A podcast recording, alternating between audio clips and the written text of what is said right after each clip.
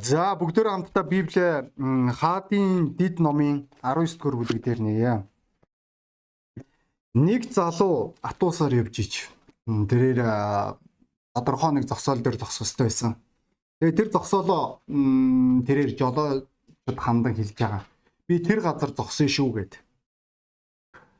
Аа тэгээ тэрээр чихэндээ хөвч хийгээд дуугаа сонсоод хэлсэн баг. Төд өдлөгөө жолооч яг тэр очих ёстой газар нь очиод энэ газар зогсохыг хүсэж исэн зорчигч байна уу гэж хэлсэн баг. Юу ч хэлээгүй. Энэ газар зогсъё гэдээсэн зорчигч байна уу гэсэн. Хинч дуураагүй. Тэгэхээр нөгөө жолооч маань яваад гисэн баг. Зэг утааны дараа нөгөө чихвчтэй зорчигч маань аль хэдийн зогсох ёстой газараас хамаагүй хол явцсан байгаагаа мэдсэн байгаа. Шалтгаан нь яагаад сонсоогүй вэ гэвэл хитрхи дуу чимээтэй байсан учраас. Тэрээр жихэндээ өөр зүйл рүү анхаарлаа төвлөрүүлэн сонсож байсан.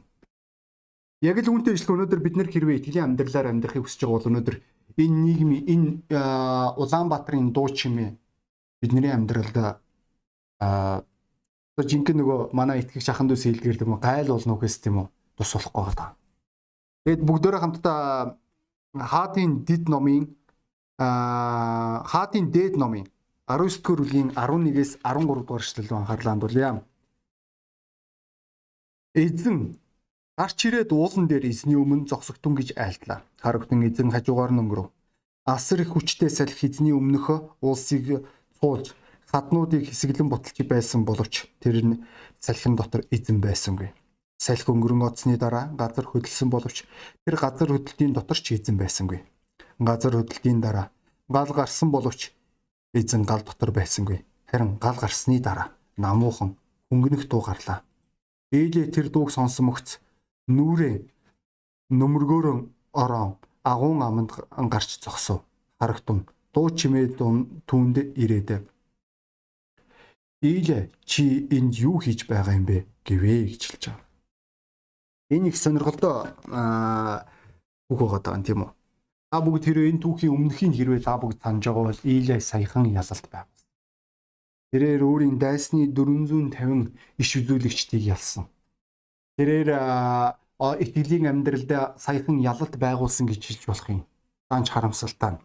Хэсэг хугацааны дараа тэрээр өөр байр суурьтай байгаа. Бүр эзэн түүнээс асуух хэрэг гарсан. Чи энэ чи юу хийж байгаа бэ? Өнөөдөр итгэгч найз минь өнөөдөр энэ асуулт чиний амьдралд бий юу? Эзэн чамаас сууж байгаа. Чи юу хийгээд байгаа юм бэ? Яагаад одоо хүртэл чи хөдлөхгүй байгаа юм бэ? Яагаад одоо хүртэл чи өөрийгөө өрөвдөөд өөрийгөө чагнаад байгаа юм бэ? Яагаад одоо хүртэл чи өөрийн махан биеийн хялбар амрын араас хөөцөлдөн вэ? Яг юуны улмаас яагаад чи энэ газар байж байгаа юм? Энэ их сонирхолтой тийм үү? Энэ асуултын аа энэ хэрэг олон итгэгч нар маань хариулах болов. Бидний амьдралд биднийг сарниулах, биднийг бурхнаас холдуулах, биднийг бурхныг бурхны дуугалыг сонсож чадахгүй түргэх олон асуудлууд байгаад байна. Ялангуяа ковидын энэ хугацаанд улам илүүтэйгээр нэг зүйлийг ойлгож байгаа. Бид нэг ийм хэлхийг ажиглаж харж байгаа тийм үү? Ковидын үед боловсролын систем маань тэр чигээрээ ялагдал амсаж байгаа маш олон мэрэгжилгүй оюутнууд төгсөж байна. Маш олон 10 жилийн мэдлэггүй сурагч нар төгсөж байгаа. Яг л үүнтэй ижилхэн өнөөдөр найз нараа энэ асуудал маань итгэлийн амьдралд хүртэл байсаар байна. Энэ нь юу гэсэн үг вэ? Бурхны дуу хоолойг сонсох чадвар байхгүй, Бурхныг мэдэхгүй, аа Библийг ойлгохгүй итгэгч нар олон гарч ирсээр байна. Аа бас мөн нөгөө талаас олон сүмүүд өөрсдийн итгэгч нарыг алдсан та бүгд мэдэж байгаа. Яг яагаад вэ? Өмнө нь байнгын байдлаар тэд нэр тодорхой нэг орчинд тэд нэр итгэлийн амьдралаар амьдарч исэн бол тэр орчныг авсан чинь тэд нэр өөрсдөө амь зуух чадваргүй болж хуурж байгаа. Бид нэр бурхантай бие дааж харилцах чадвар байхгүй. Биднэрт итгэл үнэмшлийн өөрийн гэсэн ойлголт байхгүй байгаа. Энэ үнэхээр гонигтой байгаа. Бид нэр өөрсдийн итгэлийн үндсэн хэрэгцээг туслах хэрэгцээгээр солих. Библи үгжилж байгаа бол Матай номын 13 дугаар бүлэг дээр э, эзэн Иесус Христ үрийн талаар сургаалт зөвлөлийг хэлдэг.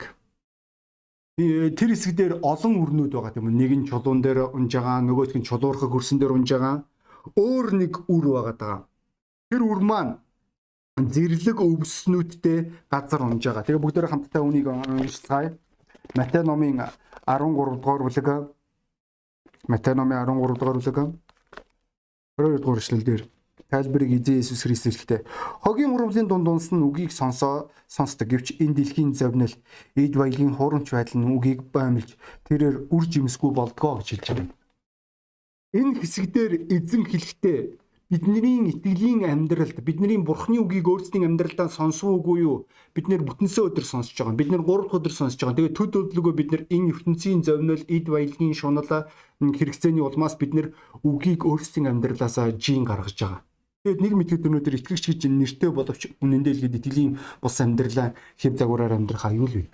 Маргааш зарим хүмүүсийн хувьд яг л нөгөө нэг асуудал маань эргээл дахиад үргэлжлэх аюул байгаа даа Та нөгөө л нэг өмнөх шиг маргааш өглөөний залбирал та ирэхгүй. Та нөгөө л нэг өмнөх шиг өнөөдөр та маргааш Библийг уншиж амжихгүй ойлгож ийн юу ярьж байгааг. Энэ бүх зовнилууд маань, энэ бүх саадууд маань, энэ зэрлэг өвс гэдэг энэ ишлэлдээр ярьж байгаа энэ хогийн ургамлын онцлог нь яг юунд байсан бэ гэвэл энэ ургамал маань гадна байдлаар биш үнцээр нь альва үрийг боомлж алдаг. Энийг сонирхолтой ургамлуудын нэг. Тэгвэл яг л үүнтэй ижилхэн таны амьдралд таны итгэлийг боомлж байгаа, таны итгэлийг бурхантай харилцах харилцааг чинь устгаж байгаа олон зүйлсүүд байж болох юм. Өөр нэг хэсгээр Библи хэлжтэй Эзэн Есүс Христ Марта руу андаад Марта, Марта чи хитрхи их олон юмны төлөө санаа зовж ин доо. Уган бол чамд ганцхан зүйл хэрэгтэй. Мария тэр ганцхныг сонгосон. Тодорхойлох юм бол тэр миний дуу хоолойг сонсож байна. Харин чиний талаар яг юу?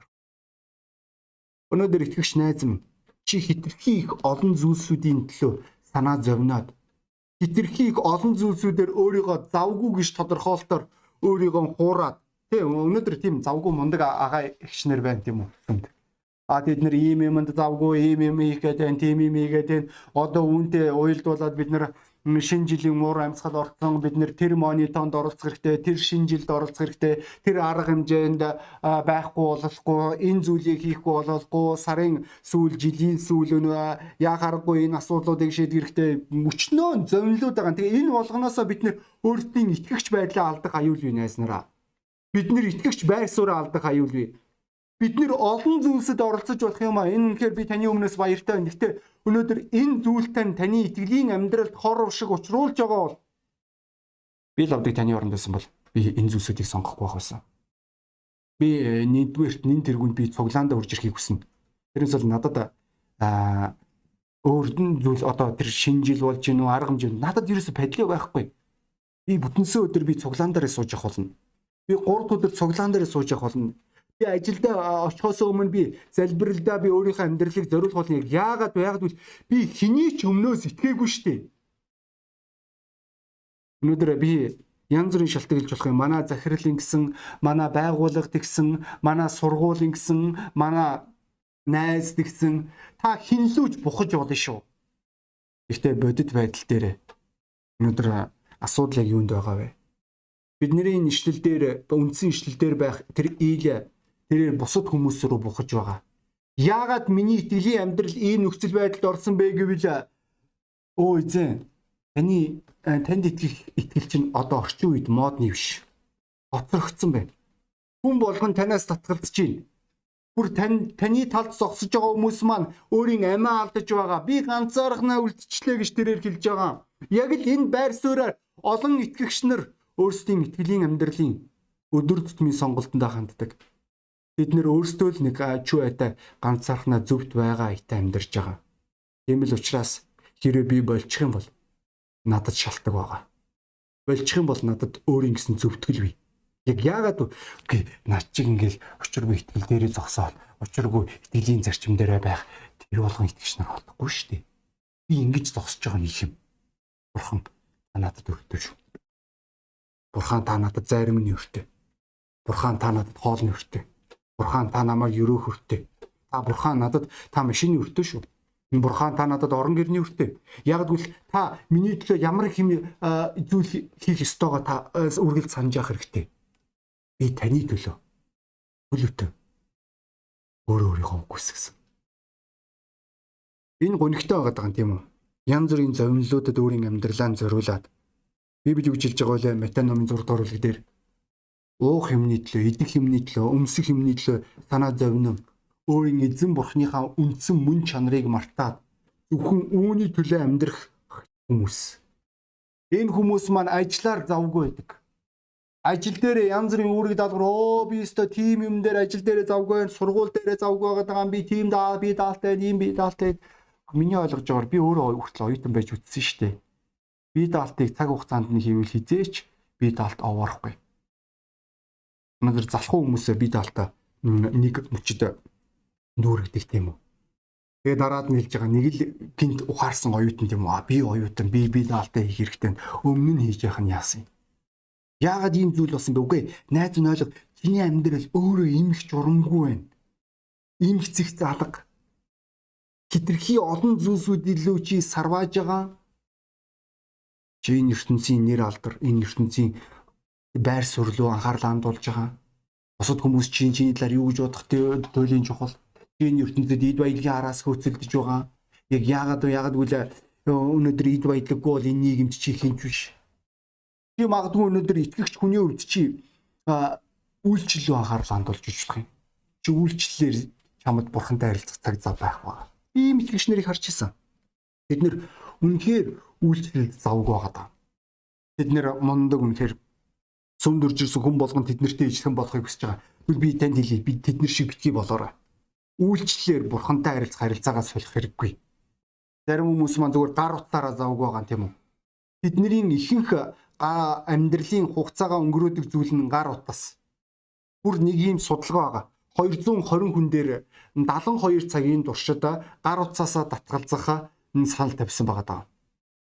Энэ саналнд хариулсан хүмүүсийн ерөөсө 220 хүн оролцоод 72 цаг гэдэг чинь 3 өдөр гэсэн үг. 3 өдрийн хугацаанд утасгүй байха шийдвэр гаргасан ч гэсэн 3 хүн үүнийг хийж чадсан гэж хэлж байгаа. Магадгүй та бодож байгаа юм сүртэй.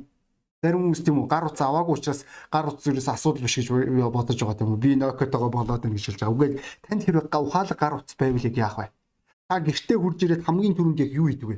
Та өглөө босоод хамгийн түрүүнд таны гар чинь яг юу барьдаг вэ? Сойд барьдаг уу эсвэл гар утас барьдаг уу? Үгээрээ та өөрийнхөө эргэн тойронд ямар дуу чимээгээр өөрийгөө дүүргэж байгаагаа та тодорхойлж байгаа. Биднэрт бурхантай харилцах ямар ч харилцаа байхгүй ч болно. Тэгвэл бидний эзэн Есүс Христийн талаар хэрвээ ярих юм бол тэрээр маш олон удаа ард түмнээс холдоод Библи хэлэхдээ уул руу тусгаалan ганцаараа гарч исэн гэж хэлж байгаа. Өөр нэг хэсгээр ард түмэн түүнийг хаан болгохыг хүсэх тэр мөчөд тэрээр ард түмнээс холдоод тэрээр тусгаарлагдсан. Яагаад тусгаарлагдсан бэ? Яг бол түүний өмнө сорилт үрж ирсэн учраас. Тэр хүн байсан тийм үү? 100 хүн байсан. Тэрээр магадгүй дотроо бодож байгаа. Би яг одоо нэр алдартай хаан байх боломж байна. Энэ миний үд үнэхээр асар том сорилт. Бас нэг өөр нэг хэсгээр Библи Матай номын 26 дугаар бүлгийн 36 дугаар эшлэлдэр эзэн Есүс Христ Гецсиманы цэцэрлэгт шавнараасаа тусгаарлагдаад тэрээр ганцаараа цаг өнгөрөөсөн гэж хэлж байгаа. Ганцаараа шүү. Би энэ хэсгээр би хамтын залбирлын талаар, өглөөний залбирлын талаар ярмааргүй. Яагад үл энэ маань чухал учраас. Үүнээс бүр илүү чухал зүйл бол таны хувьчлан бурхантай цаг өнгөрөх тэр боломж. Өнөөдөр итгэгч найз минь зүгээр зүгээр одоо энэ орой зүгээр шудраг бай. Битгий намайг хур. Та 7 хоногийн хэдэн цагт нь тусгаалan өөртөө цаг гаргаад бусад хүмүүсээс тусгаарлагдаад эзнийг ирж хайдаг бай. Хэрвээ энэ цаг байхгүй байгаа бол чи үнэхээр өрөвдөлтэй амтаа. Чамд үнэхээр итгэлийн амьдрал хэрэгтэй. Өөрийгөө хуурах хэрэг байхгүй. Яагадгүй зарим хүмүүс бид нэр тусгаарлан цаг өнгөрөөнө гэж ярих үед ганцаараа цаг өнгөрөөнөх үед үүнийг шал хэрэггүй зүйлд зарцуулдаг. Жишээлбэл гар утсаараа элдвдлөө юм үзээд ундаг. Эсвэл гар утсаараа тоглоом тоглоос учдаг байна Эсвэл зүгээр л тими гизээ лифтчидэг, унтчидэг. Эсвэл тэр хүмүүс маань гутарч хямарж байгаа байна уу? Бидний нэшлэл дээр Илия тэрээр гутрал хямралыг сонгосон байгаа даа. Намайг тайван орх. Би ганцаараа баймаар байна. Би энэ үгийг хэлдэг итгэгч нарыг би ойлгодгүй. Бид нэр бурхангүй маашин. Бид нэр залбирах гэж юусоо ганцаархнаа байдгүй. Бид нэр гутарч хямарч өөрийгөө өрөвдөж эцсийн дүнгээр хамгийн олиггүй зүйл нь яг юундөө байгаад байгаа вэ гэвэл бид нэр нүгэл хийхэд бэлэн байдаг байгаа. Зарим хүмүүсийг ганцаарнг нь үлдээж болохгүй шүү дээ ялангуяа гар утастай. Зарим хүмүүсийг ухаалаг төхөөрөмжтэй үлдээж болохгүй, компьютертэй үлдээж болохгүй, таблеттэй үлдээж болохгүй. Яг яагаад яагаад гэвэл тэд нэр хэрэггүй сайтууд руу орох болно. Нэ итгэж найз минь миний өнөөдөр юу ярьж байгааг ойлгож уу? Чиний амьдралд хитрхийг олон дуу чимээ байгаа улмаас чи өнөөдөр хамгийн чухал дуу хоолойг сонсох чадваргүй болсон болох юм. Чи тэр уулын тэр газар хөдөлтөө тэр дуу нүргэн гал төмөр энэ бүх энэ ертөнцийн бүхэл сенсац болж болох чи орчин үеийн бүх мэдээллүүдийг чи мэдэж байгаа. Энэ дунд чи эзэн алга. Энэ дунд чин эзэн алга найз минь сонсож гин үү?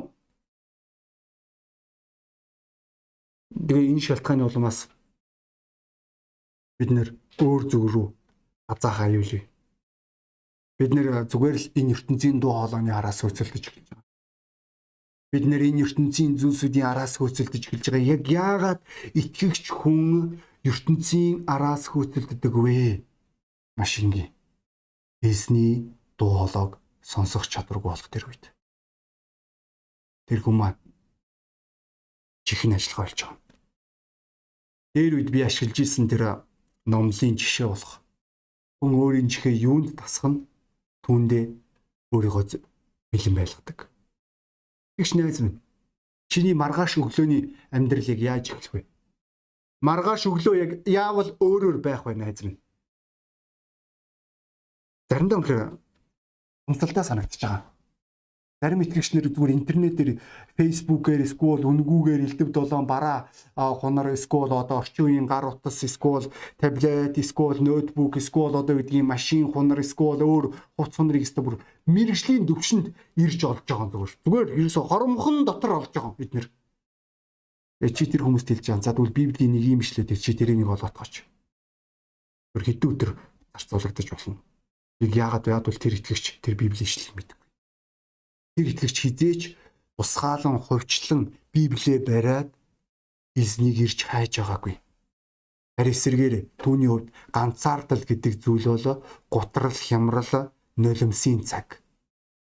Эсвэл нүгэл хийх цаг. Эсвэл бусдыг буруутгах цаг. Өнөөдөр ахан дүүсээ бид нэр яг юугаар өөрсдөө тижээж байгаагаараа бид нэр өөрсдийн амьдралаа тодорхойлж байна. Байна уу? Зөөлөн салхи намуухан салхи хэлвэлэх тэр мөчөд. Нөгөө нэг шоун амьдрал түр жавхлантаа завгүй эсвэл зарим хүмүүс тийм үү чимээгүй орчинд тэд нэр байж чаддаггүй шүү дээ. Тэд нэр байнгын дуу чимээг хэрэгтэй гэдэг тэднэрт. Байнгын хөгжилтэй үгүй хөгжилтөө дуу чимээтэй байх сайхан Үүний хажуугаар ч өөрөө өөрийгөө алдах эсгүй штэ найз минь. Итгэгч хүний хувьд. Ч өөрөө өөрийнхөө сүнслэг хүнийг устгах хэрэггүй. Чамд хувьчлан эзнийг ирж яах цаг зав буюу залбирлын мөч байх хэвээр. Тэр бүх дуу чимээс татгалзаад чам тэр газар хэрэгтэй найз минь. Гав ганцаараа үлдэх. Чин сэтгэлээсээ эзэн лөө дуу хоолойгоо өргөх. Өөрийн зүрх сэтгэлдээ байгаа бүхэл зүйлээ түүний өмнө авчрах. Зүгээр нэг шашинлаг хідэн өгсүүд биш шүү. Чи бүхэл зүрх сэтгэлээр эзнийг ирж хайж байгаа. Филиппой номын 4-ийн 6 дугаар эшлэлдэр Библи хэлэхдээ Филиппой 4-ийн 6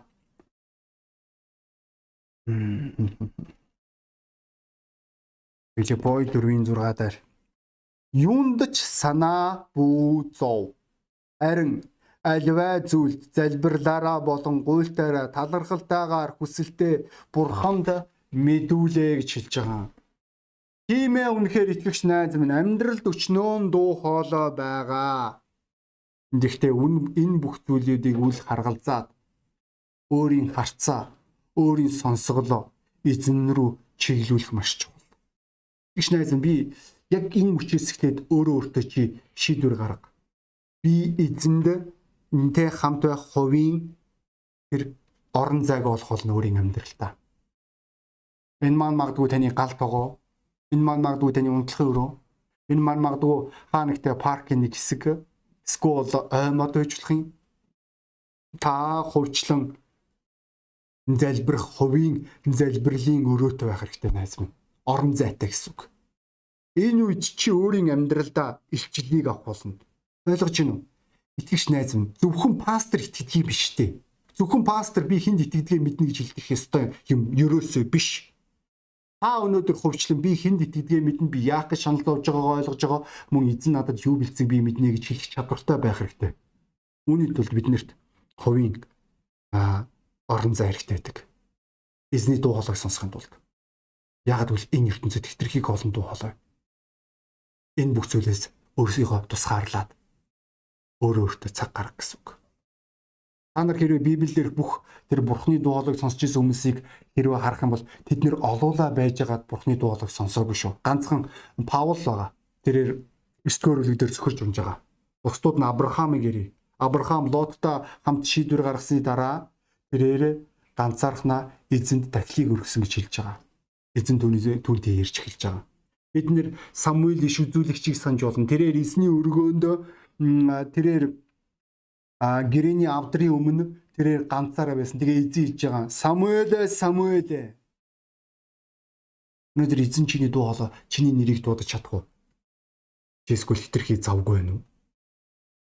Чи хитрхи саринцсан байна уу? Скол чамд хөвчлэн өөр өөртөө зарцуулах зав бий юу? Очно бидний нэшлэл дээрх Илия тэрээр эсний дуу хоолой сонсон. Үүний дараа түүний амьдралд чиглүүлэг өгөгдсөн. Бид нэр хэрвээ цаашаа унших юм бол Ийл би төгд түмдийн бурхан эзэнд маш их зүтгэсээр ирсэн. Израилийн хөвгүүд таны гэрээг умартаж, таны дахлын ширээнүүдийг нурааж, таны иш үзүүлэгчдийг илдээр завчин алсан билээ. Одоо ганцхан би л үлдээд байна. Тэд миний амийг авахын тулд намайг хайж байна гэж өчөв.